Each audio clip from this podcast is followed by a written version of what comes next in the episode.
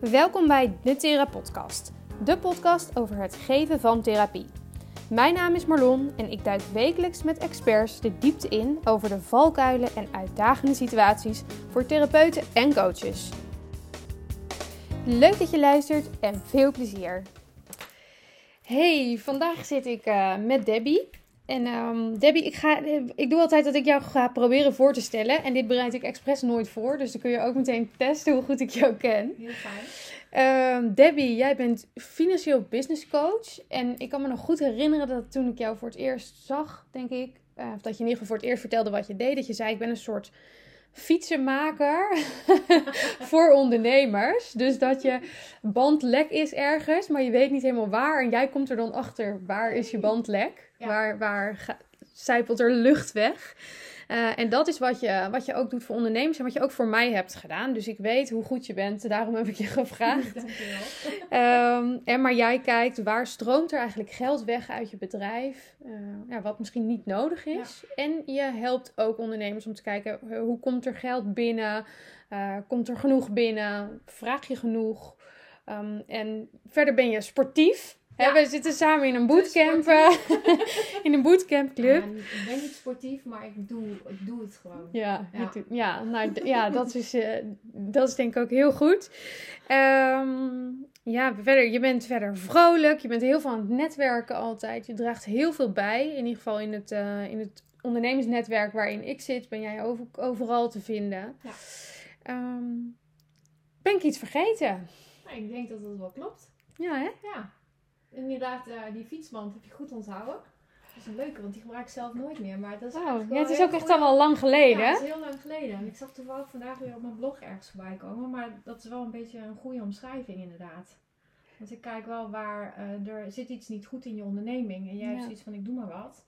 Ja, en waar zit dat dan in? En um, ja, waar lekt er dan iets weg? Waar ja. je zelf niet weet waar dat dan is. Ja, Nee, want ik, ik zie heel vaak uh, in mijn omgeving met coaches en therapeuten en zeker bij kindercoaches bijvoorbeeld de vraag van ja, hoe bepaal je nou je tarieven? En um, ja, dat is iets als je begint met je onderneming, dan loop je daar natuurlijk meteen tegenaan. Ja. Um, dus dat is, misschien kunnen we met die vraag beginnen. Want ik denk dat heel veel mensen daar, uh, daar ja. benieuwd naar zijn. Hoe doe je dat? Dat is zeker een hele mooie vraag. En dat is tegelijkertijd denk ik ook echt een van de aller, allerlastigste vragen. Want daar zijn um, heel veel ideeën over. Um, en de, eigenlijk is de basis, en daarom is het denk ik in de start ook heel lastig. De basis is dat je gaat kijken van wat wil ik nou verdienen in mijn bedrijf. Um, en als jij zegt, nou, ik wil bijvoorbeeld een netto salaris, dan heb je het kijken van, nou, um, wat wil ik dan nou net salaris? Wat wil ik elke keer op mijn, elke maand op mijn bankrekening gestort hebben? Mm -hmm. um, en daar moet je natuurlijk een stukje inkomstenbelasting over betalen. En die twee componenten zijn eigenlijk de winst die jij in je bedrijf wil hebben. Want winst is eigenlijk het salaris wat je zelf kan uitkeren. En winst kan ook zijn dat je zegt: Oké, okay, het is niet alleen maar salaris, maar het is misschien ook wel een stukje om weer terug te stoppen in mijn bedrijf. Maar winst is eigenlijk voor jou hetgeen waar je alles mee mag doen wat jij wil. Ja. En op die winst um, moet je eigenlijk nog dan neer gaan, op gaan tellen van wat zijn nou de kosten dan in mijn bedrijf die ik heb. Dan heb je een bedrijf wat al een tijd loopt, dan weet je gewoon wat je kosten zijn. Um, maar ga je net starten, dan zal je een aanname moeten doen. Nou, en um, die kosten plus je winst, dat is dan uiteindelijk het omzetdoel dat je voor jezelf moet neerzetten. En ben je een bedrijf wat al langer loopt, dan kijk je van oké, die kosten, wat heb je nou regulier aan kosten? Dat zijn dus alle vaste kosten die je echt in je bedrijf uh, ziet terugkomen. Plus je hebt misschien een stukje kosten aan marketing, een stukje kosten aan netwerken, kosten kantoorkosten. Dat zijn kosten die er niet altijd zijn, maar ja, die wel gewoon terugkomen. Um, en als je zegt van nou, misschien wil ik nog iets investeren in mijn bedrijf. Als je dat dan optelt bij het salaris wat je wil hebben, dan is dat je omzetdoel. Ben je nou een starter, dan ben je geneigd om uh, heel weinig kosten te rekenen. Dus dan zeg je van nou, ik wil misschien dat salaris hebben. En dan zet je er hele lage kosten bovenop en is je omzetdoel ook niet heel hoog. Alleen vergeet je dan dat als je gaat groeien en je kosten gaan stijgen, maar je blijft in dezelfde omzetdoel zitten, um, dat je jezelf te weinig salaris gaat uitkeren. Ja. Um, hoe bedoel ik dat? Eigenlijk is de omzet die je hebt, gedeeld door het aantal uren wat je draait, als je hem heel plat slaat, is uh, uiteindelijk de prijs die je voor jezelf neerzet. Dus Ja. we hebben net het omzetdoel bekeken. ehm, en dat omzetdoel moet je gaan kijken van oké, hoeveel uren werk ik nou in mijn bedrijf? Dus hoeveel moet ik dan eh, per uur eigenlijk opleveren ehm, in mijn bedrijf? Ja. als je dus je omzetdoel heel laag hebt, ehm, ja, dan ga je daar niet komen aan. Of tenminste, als je je prijs heel laag hebt, kom je dus nooit aan het omzetdoel dat je zou willen. Nee, nee. nee dus stel, hè, ik wil eh 10.000 euro per maand eh, verdienen of aan omzet hebben. Hè, en ik heb 1000 euro kosten, dus dan heb ik 9000 euro eh, heb ik dan over. Ehm, kan ik dat dan gewoon gedeeld door het aantal uren doen dat ik ga werken? En stel, hè, mijn uurtarief is dan, ik start net en mijn uurtarief is dan 200 euro, omdat ik maar weinig klanten heb. Dus dat is zo, zo simpel is het. Je uurtarief 200 euro.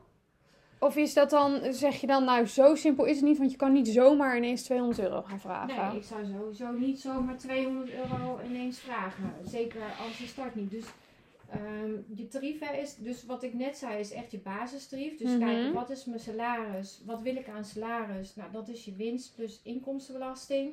Daar tel je kosten bij op. En dat is de omzet die je minimaal nodig moet hebben. En die omzet die je minimaal nodig hebt, die deel je door de uren waarin je in een jaar declarabel kan zijn. Mhm. Dat is dan het minimale uurtarief wat je zelf moet geven. Waarbij je wel echt zeker moet weten dat je omzetdoel klopt. Dat je jezelf daar ehm, eigenlijk een beetje in uitdaagt in plaats van het jezelf heel laag zetten. Want ja, Ja. dan is je uurtarief eh, logischerwijs ook lager. Maar stel nou dat je dan op een uurtarief komt. Hè, stel ik, ehm, mijn omzetdoel is 50.000 euro uiteindelijk. Ehm, en je werkt ehm, nou, in een jaar bijvoorbeeld 900 uur. Dan zeg ik hem heel een rekening eh, een beetje strak uit. Ik weet niet precies waar je dan op uitkomt. Stel dat je dan op 50 euro per uur uit zou komen. Nou, dan weet je wel van hé, hey, ik kan met die 50 euro kan ik mijn kosten betalen. Kan ik het salaris eh, eruit halen dat ik wil. Maar goed, is dat dan waar ik happy mee ben? Ehm, dan weet je wel, ja, minimaal klopt die. Maar ja, wacht even. Je hebt eh, een bepaald vak geleerd. Je helpt mensen op een bepaald niveau. Dan moet je dus ook gaan kijken naar wat is nou eigenlijk mijn dienst ook waard. Dus er zijn eigenlijk altijd twee componenten in een prijs. Ja. Prijs van, oké, wat moet ik nou minimaal verdienen om mijn kosten te kunnen betalen en mijn salaris eruit te kunnen halen wat ik wil. Maar ook aan de andere kant van, nou ja, wacht even, ik heb ook nog wel iets te leveren. En eh, Ja. mensen hebben echt iets samen, dus ja, ik mag daar wel iets meer voor vragen. Alleen weet wel dat als jij in één keer 200 euro neerzet aan tarief, ja, ben je dat dan ook al waard? Kan je dat dan ook al leveren? Ja. ja, dat is wel een heel goede, dat is denk ik wel een heel goede toevoeging. Want eh, ik zeg natuurlijk eh expres ook een beetje gechargeerd die 200 euro. Ehm, maar, want ik zie het wel eens gebeuren dat dat, eh, dat gebeurt. Maar aan de andere kant zie ik zeker bij therapeuten en, en kindercoaches bijvoorbeeld, zie ik het tegenovergestelde.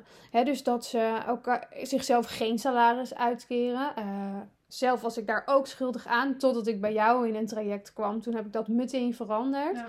Maar dat ik, ik, ik betaalde mezelf wel wat, maar altijd, oh, er blijft iets over. Nou, dat maak ik dan nu eens een keer naar mezelf over. En de ene maand was het 1000 euro, dan een keer 2000 euro, dan een keer 500. Maar er waren ook maanden dat ik van mijn privérekening geld moest overmaken naar mijn zakelijke rekening, omdat ineens mijn rekening leeg was en er moest iets betaald worden.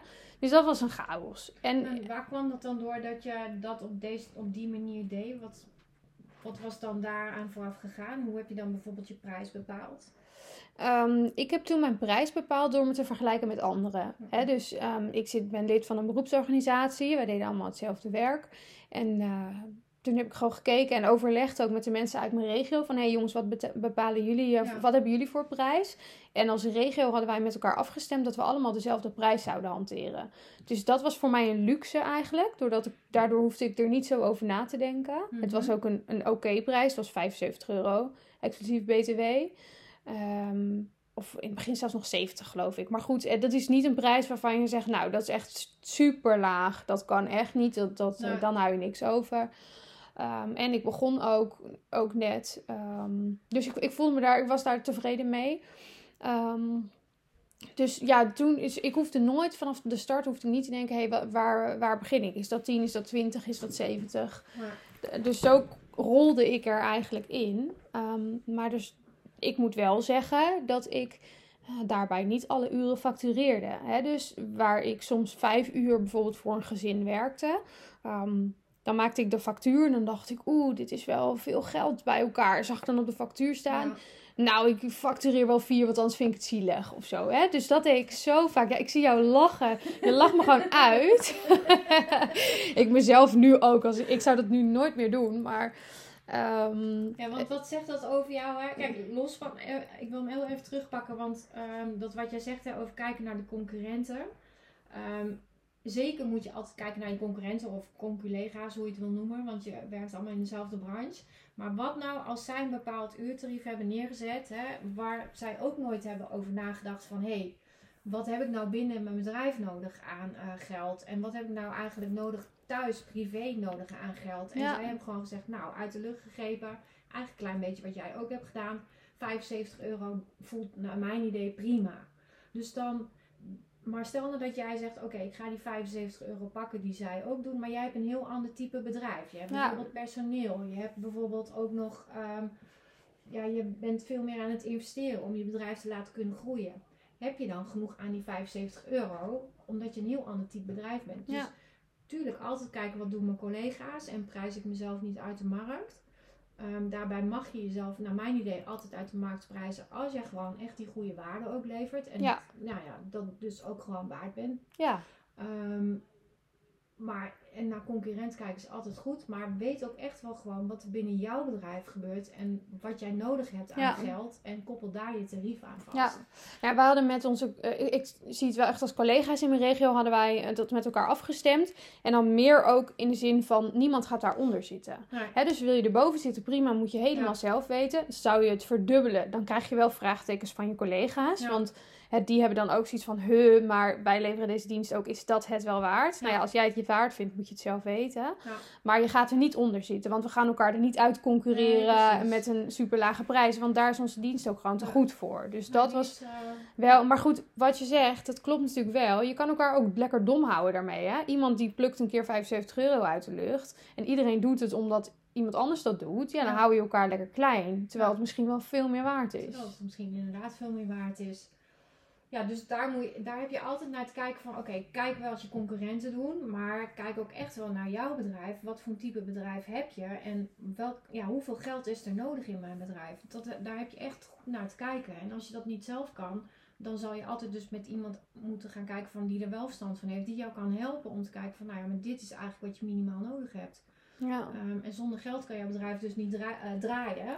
Dus dan vind ik het altijd grappig, want ik ken meer eh, coaches ehm, in jouw eh, werkgebied die dus eigenlijk inderdaad eh, uren moeten factureren, maar dat dan eigenlijk niet doen. Dat ik denk, ja, maar wacht even, wat maakt dan?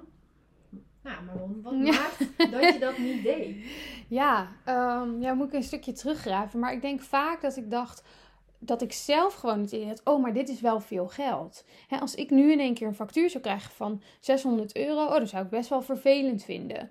Dus dan deed ik het niet en dan maakte ik hem minder. Ja, Eh, dus dat is eentje die ik denk ik vaak dacht, van het is gewoon wel veel geld. Andere keren, dat is trouwens echt, dus, eh, ik moet nu gewoon lachen als ik het zeg, maar dat ik wel eens eh, in, mijn scheidings, in de scheidingswereld heb ik best heftige zaken. Maar dan had ik bijvoorbeeld een hele makkelijke zaak. Ja, had ik ouders die het goed deden, die bijvoorbeeld preventief mij inschakelden. ja, Had ik een paar gesprekken met de kinderen, waarbij de kinderen zeiden: Nou, ik ben wel verdrietig, maar eigenlijk gaat het heel goed. Dus aan het eind van het traject kon ik ouders complimenten geven. Tuurlijk ook een paar tips van let hier en hier op. In de toekomst kan dit een probleem worden, maar jullie doen het supergoed en ga zo door. Ja. En dan dacht ik: Ik heb niks gedaan. En dan vroeg ik echt maar, dan gaf ik. Ergens vind ik ook nog wel leuk, maar dan gaf ik ze wel eens eh, goede ouderskorting. Dus dan zet ik 10% korting op de factuur, goede ouderskorting. Goeie ouderskorting. Niet dat andere ouders geen goede ouders waren natuurlijk. Maar, en, maar zelf ergens... ehm, het was natuurlijk niet terecht dat ik dacht ik heb niks gedaan. Want ik had evenveel gedaan en superveel betekend. Aan de andere kant vind ik hem eigenlijk ook nog steeds wel leuk. Want het was ook wel een stukje beloning. Ja, Ehm, ja, dus. maar het gaat erom dat ik heel erg dacht: nee, ik, nu heb ik niet hard genoeg gewerkt of zo. Dit was makkelijk. eh, dus nu verdien ik dat geld niet. Ja, dus hoe zet je jezelf dan neer hè? als je ehm, zegt van nou, ik heb dus eigenlijk niks gedaan. Want die mensen hebben jou ingehuurd. ja. Waar hebben ze jou voor ingehuurd? Ja, om er te zijn voor hun kinderen. Ja, dus blijkbaar konden ze dit zelf niet en hadden ze hulp nodig. Ja, Ja, en dus het feit dat zij in die zin ouders zijn die wel eh, met elkaar kunnen communiceren, nog ondanks de zware periode die ze doorgaan. En daardoor voor jou een wat makkelijkere klant zijn. Een fijne klant denk ik dan ook gewoon. Denk ja, oké, nou dan laat ik mijn tarief maar wat verlagen. Ja, dus een beetje alsof je... Eigenlijk wil je daar honderden klanten van, denk ik. Ja. En dat ouders altijd op die manier met elkaar communiceren. Maar dan verdien je dus niets meer als je nee, zulke klanten nee. zou hebben. Het is een beetje alsof je bij de kapper komt en dan moet je, normaal moet je 30 euro betalen. En dan zegt de kapper, nou, jouw haar zat vandaag zo goed, u ja, maar, je hoeft maar 15 te betalen. Ja, nee, dat gaat, nee, dus Ehm, ik denk ook dat je jezelf tekort doet. ja. Ehm, en dat denk ik ook dat.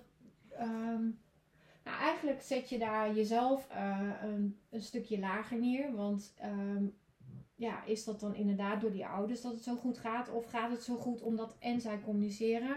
Tuurlijk is dat makkelijker, maar aan de andere kant heb jij zoveel kennis en kunde dat het jou makkelijker afgaat. Ja. En ik denk dat op het moment dat wij denken, ja, maar dit is te simpel voor woorden, dat we dan denken, ja, maar daar kan ik geen geld voor vragen. Ja. Alleen wat wij vergeten is dat wij daar heel veel voor geleerd hebben. En dat we daar heel veel ervaring voor opgebouwd hebben om het zo simpel te maken. Maar ja, voor ons. Ja. Niet voor jouw klanten. Nee, nee. Nee, eens. Eens. Dus ik moet er ook wel om lachen dat ik dat toen zo, zo heb gedaan. En ik hoorde eens een uitspraak. Um, nou, volgens mij is het van Picasso oorspronkelijk geweest of zo. Die heeft gezegd van. Uh, die zette dan drie streepjes op een doek. En dat was dan uh, nou, heel, heel duur.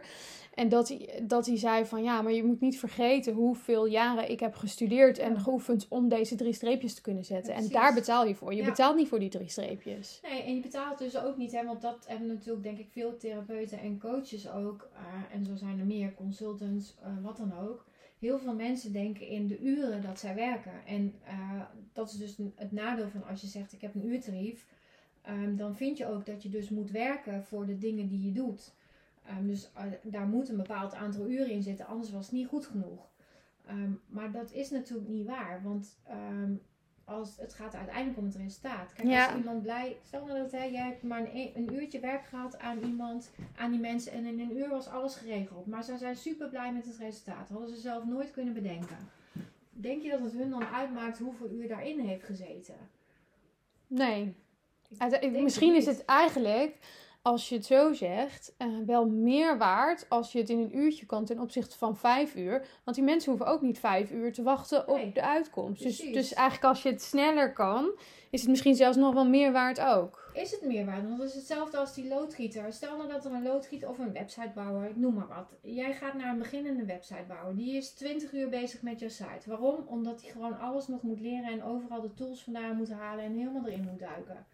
Oké, dus als die zegt, ja wacht even, ik kost 100 euro per uur en ik werk er 20 uur aan. Ja, naar een dure site. Ja. Terwijl als je naar die website bouwen gaat, die zegt, ja maar ah, dan moet even klik, klik, klik zo.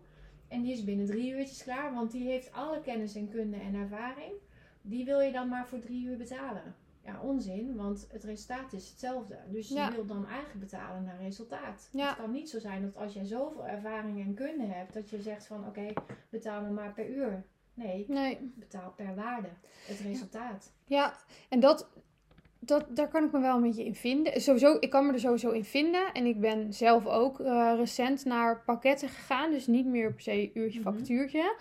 Maar uh, in sommige gevallen doe ik het ook niet, omdat ik het niet durf. Want dat vind ik dus wel een, een tricky one uh, in, de, in therapie of in coaching. Want ik kan mensen geen resultaat beloven. Want het resultaat is niet afhankelijk van mij. Het is deels afhankelijk van mijn inzet en van de therapie. Maar het mhm. is ook voor een heel groot deel afhankelijk van mijn klant. Ja. Dus ik kan wel zeggen, uh, jij komt bij mij met uh, klachten van somberheid en ik kan dat oplossen. Dat kan ik ook samen met jou, want ik heb het al heel vaak met klanten gedaan. Maar als mijn cliënt ja, er zelf niet genoeg aan doet buiten de therapie, um, ik kan niet beloven dat het overgaat. Dus dat vind ik wel een, spannende. Dat is ook een hele spannende. En die heb ik zelf ook in mijn bedrijf. Hè. Ik um, ga ook voor resultaat en ik beloof mensen dat zij meer geld over gaan houden op hun rekening. Um, en maar zij zullen dat alleen uh, krijgen op het moment dat ze doen wat ik zeg. En de dingen volgen, de stappen volgen die ik zeg. Maar ik heb geen grip op of ze iets wel willen of niet willen. Alleen dan heb je dus in je gesprekken iets te doen als terugkoppeling en feedback van hé, hey, hoe gaat het nou? En kijken waar de klant zelf iets neerlegt. Kijk, Ja. ik heb nu bijvoorbeeld ook klanten ehm, die dus eigenlijk niet willen doen wat ik zeg. Los van, dat maakt mij niet uit. Alleen dan zal het resultaat anders zijn. En dat geef ik dan ook aan. Van ja, weet je, ik heb dit en dit hebben we afgesproken. Dit is naar mijn idee hetgeen wat voor jou echt heel goed zou werken. Jij wijkt daar nu vanaf. En dan zegt diegene ook, ja, ja bewust, ja, oké, ja, dat is waar. Dus dan krijgen we misschien een ander resultaat. Ja. Ja, dat kan. Maar dan kan diegene Oh, nooit ja. meer bij mij neerleggen dat eh, dat traject niet heeft geboden wat het moest. Nee. nee, dus in het traject besteed je daar dan eigenlijk actief aandacht Ja. aan. En van, gaan we dit resultaat halen op deze manier? Ja. Ja, dus dat jij in ieder geval alle inspanningen hebt geleverd dat het mogelijk was geweest. Ja, want stel, hè, eh, met mijn voorbeeld van net. Ik heb iemand die zegt ik ben eh, somber en ik heb depressieklachten.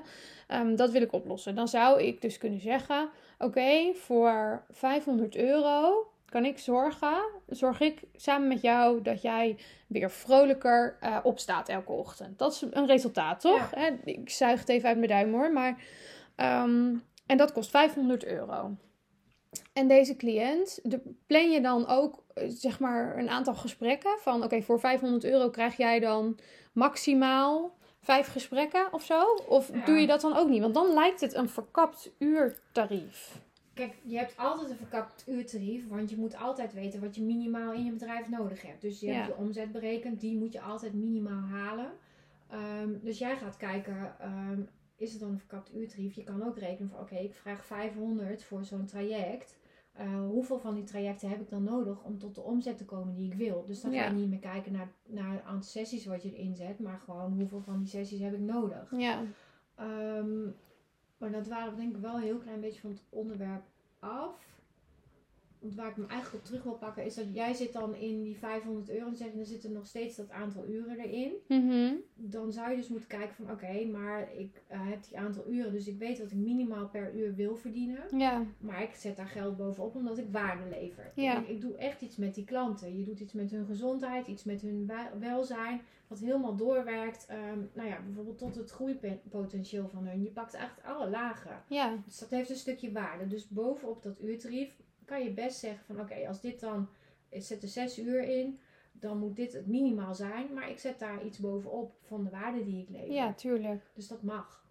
En dan als we dan kijken van, oké, mag ik dan een traject vragen, hè, als ik kijk naar resultaat. Ik mag aannemen dat jij met je ervaring weet, oké, als ik dit type klant heb, dan, ehm, nou, normaal gesproken, de gemiddelde zijn ongeveer zoveel sessies nodig om te komen daar waar wij komen, mits we doen wat wij zeggen en het echt een samenwerking is.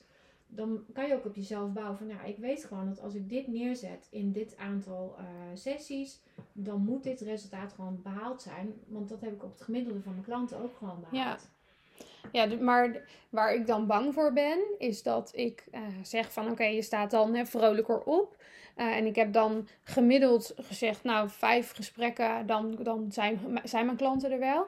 En dat ik dan een klant heb die er, eh naar bewijs van spreken, na tien gesprekken nog niet is. Ja, dan ga ik heel erg onder mijn uurtarief zitten. Of zit er dan toch wel ergens een max aan het aantal gesprekken? Nee, dan heb je dus zelf iets te doen ehm, in eh, de leiding die je neemt in je gesprekken en in het traject. Kijk, als jij, jij kan natuurlijk best wel op een gegeven moment zien van hé, hey, hier zit geen progressie in. Waar zit hem dat dan in? Hè? Dan zou je met je klant in gesprek moeten van ja, ik zie eh, dit en dit gebeuren. Waar komt dat dan door?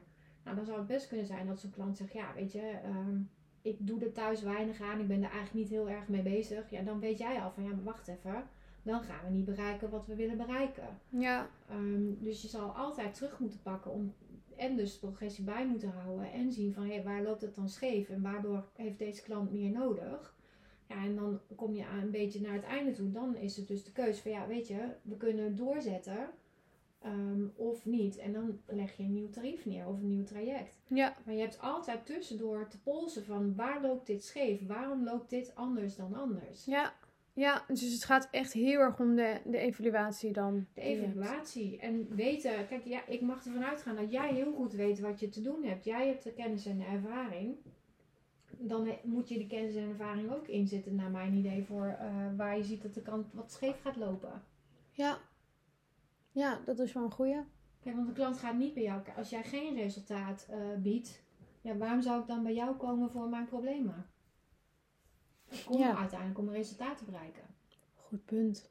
Maar als Ja. therapeut of als coach mag je daar best wel aan de andere kant eh, heel stellig in zijn van ja, maar ik wil wel volledige medewerking. Ja, dus dan draai je hem eigenlijk om. Hè? Je hebt het niet zozeer over ik ben kindercoach en ik eh, heb dit en dit te bieden. Maar ik ben kindercoach en als jij dit resultaat wil, dan kun je het bij mij halen. Dat is eigenlijk Ongeveer wel. de ja. manier om. om hè, en Ja. als je dat dan wil halen, dan hangt dit prijskaartje eraan. Want ik weet dat jij dit resultaat gaat behalen. En een Ja. resultaat heeft een bepaalde waarde. Ja. Hè, hoeveel is het je waard om eh, s ochtends eh, wakker te worden en denken: yes, het is een nieuwe dag. Ja. Ja, ik denk dat je daar best wel eh, stellig in mag zijn. Ja, ja, En ja, daar, daar heeft natuurlijk wel een stukje ervaring nodig. En als je startend bent, is die wat lastig inschatten. En dan zul je daar op een andere manier mee om moeten gaan. Maar op het moment dat jij verder bent in je bedrijf, dan weet je gewoon van, nou, weet je, gemiddeld hebben mensen dit nodig. Dus ik kan daar best wel een standaard product van maken. ja. En ehm, als je daar een keertje van afwijkt, is dat op zich niet erg. Maar wel toetsen met klant waarom je aan het afwijken bent. Maar nou heb je dus best wel veel rekensommetjes gezegd. Hè, van Mhm. deze pakketten. Kan ik zo hoeveel omzet wil ik hebben? Hoeveel pakketten moet ik dan hebben? Hoeveel uur moet ik werken? Hoeveel uur kan ik werken? En wat moet ik dan per uur vragen? Maar het zijn best wel wat rekensommetjes. Dus hoe pak jij dat aan met je klanten om hier inzicht in te krijgen? Ehm, ik start eigenlijk altijd met mijn klanten. Ik ben best wel voor eh, plezier hebben in je bedrijf en in je leven. Ehm, en wat ik zie is dat veel mensen zich slag in de ronde werken om eh, aan hun geld te komen. Dus ik start eigenlijk altijd met het stellen van kaders. Van hoeveel wil je nou eigenlijk werken in je bedrijf? Ehm, en los daarvan, kijk, als jij zegt ik ben net startend en ik wil met 10 uur mijn bedrijf opzetten. Nou, dat is prima, maar weet dan ook dat je langer over zal doen om te komen waar je wil komen. En wil jij volle bak werken, zal je sneller een resultaat bereiken omdat je gewoon meer uren in je bedrijf stopt. Maar wel van oké, hoeveel uur wil je nou eigenlijk werken? Ehm, dan gaan we kijken van nou, hoeveel dagen zitten er überhaupt in een jaar waarin je kan werken. Ehm, wat wil je aan vakantiedagen? Wat wil je per week werken? En op basis daarvan gaan we kijken van oké, hoeveel declarabele uren heb je nou dan uiteindelijk in je bedrijf? Dus hoeveel uren kan je werken waar je geld mee kan verdienen? Nou, en dan koppelen die eigenlijk uiteindelijk naar de omzet. Gaan we kijken wat is nou de omzet die je in je bedrijf nodig hebt. Ehm, en die omzet zetten we altijd een beetje uitdagend neer. Want ja, ik vind het altijd wel leuk om mensen wel een, een beetje uit hun comfortzone te halen. Je moet niet iets heel makkelijk kunnen halen, maar gewoon wel hoe je wil. En dat omzetdoel, dat start dus bij wat wil je verdienen. Hè? Dus als je deze uren hebt, je hebt dit en dit aan kennis en je levert dit aan waarde. Wat vind je dan dat er op je bankrekening elke maand gestort moet worden? Ja, en dat hangt natuurlijk ook weer samen met wat heb je nodig privé. Wat heb je nodig privé? Maar dan zullen de mensen zeggen, en met name bij coaches werkt het denk ik zo, ja, ik heb niet zoveel nodig. Oké, maar als je nou in loondienst was en je moest als coach ergens aan de slag en je baas zegt, nou, je hebt niet zoveel nodig. Zou je daar dan mee akkoord gaan? Oh, dat vind ik wel leuk hè? ik denk het niet. Ik denk dat je zegt, ja, dag, ik heb eh, gestudeerd en ik doe dit en dit en dit. En nou, dan denk ik, ja, maar als ondernemer doe je nog meer dan wat je voor een baas Ja. doet. Want je draagt zelf het risico. Je moet zelf overal achteraan. Je moet zelf voor je klanten zorgen. Dus ja, is dat dan 1500 euro waard? Eigenlijk zijn we echt een heel slechte baas voor onszelf als We je het zo... heel eh, slechte ba- Ja, we denken totaal niet zakelijk. We denken, nou, denk ook met name wel, ik doe goede dingen voor mensen. Dus ja, daar heb ik niet zoveel voor nodig. Je krijgt karma punten voor of zo. Ja, ja, precies. Daar Ja. koop ik geen brood van. Daar koop ik geen brood voor. Ja, en geld is toch echt nodig in je bedrijf. En zeg je nou van ja, maar ik heb zelf niet zoveel nodig. Ja, weet je, vraag dan in ieder geval een goed salaris en ga met dat salaris andere leuke dingen doen. Ik bedoel, wil je iets voor je kinderen neerzetten of wil je iets voor je ouders dat je ziet van hé, hey, dat gaat wat lastig worden als ze met pensioen gaan of wil je iets met een stichting of wil je goede doelen steunen. Ik bedoel, Ja. alles in de wereld draait op geld. Ehm, dus het is een beetje dom om dan te zeggen, ja, ik heb niet zoveel nodig. ja, maar ja, want je kan er zoveel mee. hè. Het moet Je niet kan er heel veel mee. het doel zijn natuurlijk. Veel geld verdienen is dan niet een doel, maar het is een, een middel om dus allemaal dingen te kunnen doen die je wil. Of om het weg te geven. Of Ja. om... ja, dus als je zegt, hè, wat wil je aan salaris ehm, en wat wil je verdienen, dat is dus eigenlijk ook om te, voor jezelf. ehm, ik wil eigenlijk bij mensen wat meer naar voren halen. Kijk, zo'n gelddoel, dat zegt eigenlijk heel weinig mensen iets. Mhm. misschien dat mannen daar anders in zitten dan vrouwen, dat weet ik niet. Maar probeer nou eens voor jezelf te bedenken wat je nou heel graag zou willen. Dus eh, stel nou, hè, ik heb privé niet per se iets nodig. Maar laatst zei iemand, ja, ik wil eigenlijk altijd de kachel wel op 21 graden. Toen dacht ik, ja. Ze zei, ja, daar is wel geld voor nodig. Ja. Dus die had zoiets ja, dus moet ik wel een goed salaris hebben. En de ander die zei, ja, maar ik wil zo graag dat mijn dochter daar en daar kan studeren. Ja, daar is geld voor nodig. Ja, dus dan heb je iets Ja. te doen. Dan kan je in je bedrijf kan je dat realiseren. Door jezelf dus een goede een Ja. goed tarief neer te leggen. Ja. Wel een real tarief, maar gewoon dus bedenken van... Hé, hey, maar ik moet dus iets. Ik wil iets met geld. Waar ga ik dat dan aan besteden? Dus waar doe je het voor? Waar ben je voor eh, bezig met jouw bedrijf? Nou, en dan hebben we nog gewoon de normale dingen waar we ook rekening mee moeten houden in bedrijf. Je bedrijf draait op, op allerlei zaken die er moeten zijn en dat kost ook geld. Dus daar moet je ook geld voor hebben. Ja. Nou, en dat samen is dan je omzetdoel. Ja. En Ja. dat zijn inderdaad rekensommen. Er zitten heel veel rekensommen in. En dat maakt ook waarom een prijsstelling helemaal niet zo makkelijk is. Nee, nee, niet. Je pakt 75 euro uit de lucht en dat kan wel. Dus er hangt aan heel veel dingen Ja, het af. ja. Wat wil en waar wil je ook naartoe met je bedrijf? Ja, over, over hoe je dan naar geld kijkt. Hoe ik eh, het afgelopen jaar en sinds het traject met jou naar geld ben gaan kijken. Is dan eh, kijk ik in mijn Moneybird en dan eh, zie ik mijn omzet. En hoe hoger mijn omzet is van die maand. Dan denk ik, wow, ik heb zoveel mensen geholpen deze maand. En als het nog hoger is, dan denk ik, ik heb nog meer mensen geholpen. Dus ik zie een soort van niet eurotjes in mijn, in mijn omzet. Maar ik zie allemaal poppetjes. Die Ja. ik, hoe meer omzet, hoe meer poppetjes ik, ik Hoe heb. meer eh, mensen je goed op weg hebt eh, gezet. ja. Ja, eh, dat is wel een mooie manier om ernaar te kijken. Ja, daardoor word ik er heel blij van. En, en sinds kort ook wel van geld, nu ik er anders naar ben gaan kijken. Maar gewoon mijn eerste simpele stap was al om het gewoon te zien als allemaal poppetjes. Dus als ik 6000 euro omzet heb gehad, dan heb ik 6000 poppetjes in mijn portemonnee. En dan denk ik, wow! Hoppa. Ja, nou het is een mooie manier. Hoewel, ik vind het ook niet erg als je wel kijkt naar, hé, wat heb ik nou met geld gedaan? Want ja, je doet het ook voor jezelf, toch? Je, Ja. Tuurlijk doe je het om mensen te helpen en dat is het leukste wat er is. Maar ja, kom on, je doet het ook voor jezelf.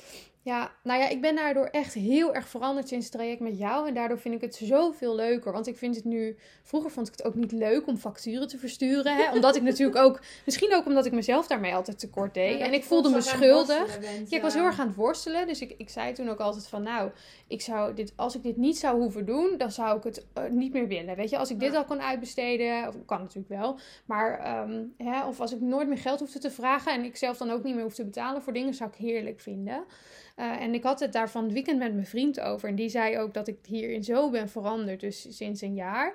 En eh, toen vertelde hij, ik was het zelf vergeten, maar dat ik zei toen we elkaar net leerden kennen, of toen ik net eigenlijk met mijn bedrijf startte, Ehm, ja, ik ga nooit veel geld verdienen. Vind je dat erg? Dat heb ik hem dus gevraagd. Volgens mij had ik iets gezegd. Nou, ik weet het niet eens meer zo. Nou, zo rond de 1500 euro of zo. Dat ik had gezegd, nou, ik ga nooit meer dan dat verdienen. Ehm, maar ja, vind je dat erg? Nou, had natuurlijk gezegd van, nou, ik vind het niet erg. Misschien was het wel een leugen, maar... nee, maar eh, en ja, daar was ik ook echt van overtuigd. Van, nee, maar het, ik had ook nog gezegd als argument, ja, dat is gewoon niet mijn vakgebied. In, dat, in dit vakgebied ge- gebeurt dat niet, dat je veel geld verdient. En ook, ook daarin hoor je al zo'n negatieve lading over veel Ja. geld verdienen. Hè? Alsof het iets slechts is. En dat vond ik zo grappig. Hij zei dat dit weekend. Toen dacht ik, oh, ik, ik kan het me voorstellen dat ik het toen heb gezegd. Ik ben het vergeten en ik zou het nu nooit meer zeggen. Ja, waar is dat? hè? Maar ja, zo ja, ben ik daar wel in veranderd. Want wat maakt dan dat je zegt in dit vakgebied? Is dat dan omdat je ziet hoe anderen hun geld verdienen? Of is dat ook omdat je jezelf dan denkt van dat mag ik niet vragen? Ja, weet je, het is de ellende van een ander en daar eh, verdien jij dan geld aan. Ja. Ja, en is dat, is dat ethisch? Is dat, is dat normaal? Is het oké dat iemand helemaal in de put zit en ik zeg, ik wil je wel helpen, maar alleen als je mij heel veel geld geeft? Ja. Is Nou bijna, bijna een beetje, eh, hè, van dat, wat is het, repelsteeltje of zo? Die, ik gebruik daar, want ik met klanten kijk dan daar wel eens, ja, noem ik zelf de waardecirkel. Ik weet ook niet waar die, eh, ik kan hem nooit nergens meer terugvinden, maar waar ik naar kijk is bijvoorbeeld, hè, wat doe je nou eigenlijk allemaal met zo'n klant? Hè? Want jij vraagt er geld voor en dat voelt dan heel vervelend. Maar eigenlijk zijn er heel veel stappen, denk ik, die je in je beroep bereikt met een klant. Dus jij denkt, eh, we denken bij bedrijven van ja, maar op het moment dat je werkt voor bijvoorbeeld ondernemers, ja, dan kan ik geld vragen, want die gaan meer verdienen. Maar ik denk stiekem gaan klanten die bij jullie dus als eh coachie zitten, die gaan eigenlijk stiekem misschien niet per se in geld verdienen en misschien ook wel. Want jij gaat op een gegeven moment ga je allerlei eh, eh, je maakt op heel veel vlakken impact. Dus je maakt eigenlijk wel impact op hun financiële situatie. Want als jij beter in je vel gaat zitten, ga je misschien anders kijken naar, ehm, naar je omstandigheden. Of Ja. ga je kijken van, nou, ik kan misschien wel een andere baan hebben. Als ik nu heel onzeker in, ik kan een andere stap maken. Je maakt impact op iemands gezondheid en welzijn. En wat is dat waard? En wat kan er dus gebeuren als iemand heel gezond is en goed in zijn vel? Nou, dan kan hij misschien beter werken of dan kan hij beter presteren. Ehm, het heeft dan misschien ook weer impact op iemands vrije tijd. Hoe belangrijk is dat? Ehm, doorpakkend kan je misschien, doordat iemand zo goed in zijn vel zit en wat dan ook, worden relaties beter. Worden relaties met zijn familie beter. Misschien een relatie met ex-vrouw of gewoon überhaupt vrouw. Dus je maakt op alle gebieden in hun leven maak jij impact. Ja, Mag je daar dan geen geld voor vragen? ja, Als ze dat zelf niet kunnen. ja. Nee, wel. Wel. Ja. ja, nu zijn nog zoveel dingen waar, waar ik dan nu alweer over wil doorgaan. Hè? Want we kunnen natuurlijk ook nog hebben over hè, dat je gaat bepalen voor, voor je klant. Want dat zie ik dus ook heel vaak gebeuren. En dat deed ik dus toen ook van... ehm, ja, maar dat is te veel of zo. Ja, wie zegt dat? Je kan niet in hun portemonnee kijken. En wat Ehm, vinden zij het waard? Ja, en dat, kan, dat moet je eigenlijk ook niet voor je klant willen bepalen. Hè? Je moet bepalen wat jij waard bent en wat Ja. jij jezelf waard vindt. Maar niet wat iemand anders jou waard vindt. En dan op een mindere manier dan jezelf. Maar we zitten ook al echt op 35 minuten. Het is een onderwerp, daar kan je uren over doorgaan. Ja, ja. Ja. maar dat, dat is ook zo. Want er zitten zoveel blokkades, denk ik, op. En ehm, ja, misschien is dat in elk vakgebied zo, dat weet ik niet. Maar ik zie in ieder geval in mijn vakgebied en in de kindercoaching en therapeuten. En ja, dat er toch echt wel eh, ja, heel veel blokkades op zitten. eh, waarvan ja, ik gewoon heb gemerkt aan mezelf dat wanneer je daarvan bevrijd wordt, dat het echt zo leuk wordt. Dan wordt het heel leuk. En dan heb je veel meer plezier en ga je veel meer van, minder vanuit kramp ondernemen, maar gewoon vanuit, eh, nou, vanuit je eigen waarde zien en, ehm, nou ja, en wat losser. En op Ja. het moment dat jij wat losser in je bedrijf zit, Ja, ja, dan gaat alles ook veel meer vanzelf. Ja. En nu, ja, en dat vergeten sommige mensen. En Ja. inderdaad, dit komt in alle beroeps, beroepen terug. Ik, Ja, heb meer verschillende klanten en overal zijn dezelfde issues. ja, Dat is echt bijzonder. ja, ja, misschien is het ook heel Nederlands. Dat is denk het ik wel niet. Nederlands. Uh, Ja. We houden niet van groots en doen maar een beetje normaal. Dat is al normaal genoeg. En uh, het is een ander, ik zeg het verkeerd. Gek genoeg. Gek genoeg. Um, en taboe hebben we best wel op geld. Want, Ja. en, maar ook denk ik dat, en dat is denk ik wereldwijd, dat het ons geleerd is dat geld is vies. En mensen die veel geld hebben zijn uh, vervelende mensen. Maar daar geloof ik niet in. Ik nee, denk ik ook niet. dat geld alleen maar versterkt wie je al was. Dus als jij een uh, botte hork bent en je hebt heel veel geld, ben je een nog grotere botte hork. En zien mensen je wat meer. Maar ben jij een heel vrijgevig persoon en misschien een moeder Teresa en jij hebt heel veel geld, ga je heel veel andere dingen doen met dat geld. Dan Ja. word je niet een botte hork. Nee, mooi gezegd. Ja, absoluut. Ehm, Debbie, ik ga jouw contactgegevens in de beschrijving zetten van de podcast, dat mensen jou kunnen vinden. Maar hoe, hoe kunnen mensen jou vinden voor de mensen die eh, dat meteen nu willen opzoeken zelf? Die kunnen altijd kijken op mijn site. En dat is uh, www.d2b.nl. En D2B is D2BE. En dat staat voor uh, Dare to Be, durf te zijn. Goeie. Ja, en uh, van mij nog de tip om uh, Debbie op uh, LinkedIn of Facebook te volgen. Want daar deelt ze ook best wel veel dingen. Maar ook prikkelende, ja, soort van dilemma's of zo. Weet je, hoe denk jij over dit of dit? Is altijd heel leuk om eens even over na te denken voor jezelf. Zeker. Dus zoek Debbie ook op op LinkedIn of Facebook. En dan, um, nou ja, kan ze je nog veel meer leren. Ja, dankjewel Debbie. Ja, leuk, dank je. Laat je weten wat je van de aflevering vond. Je kunt me bereiken op Marlon Dijkhuizen op Instagram.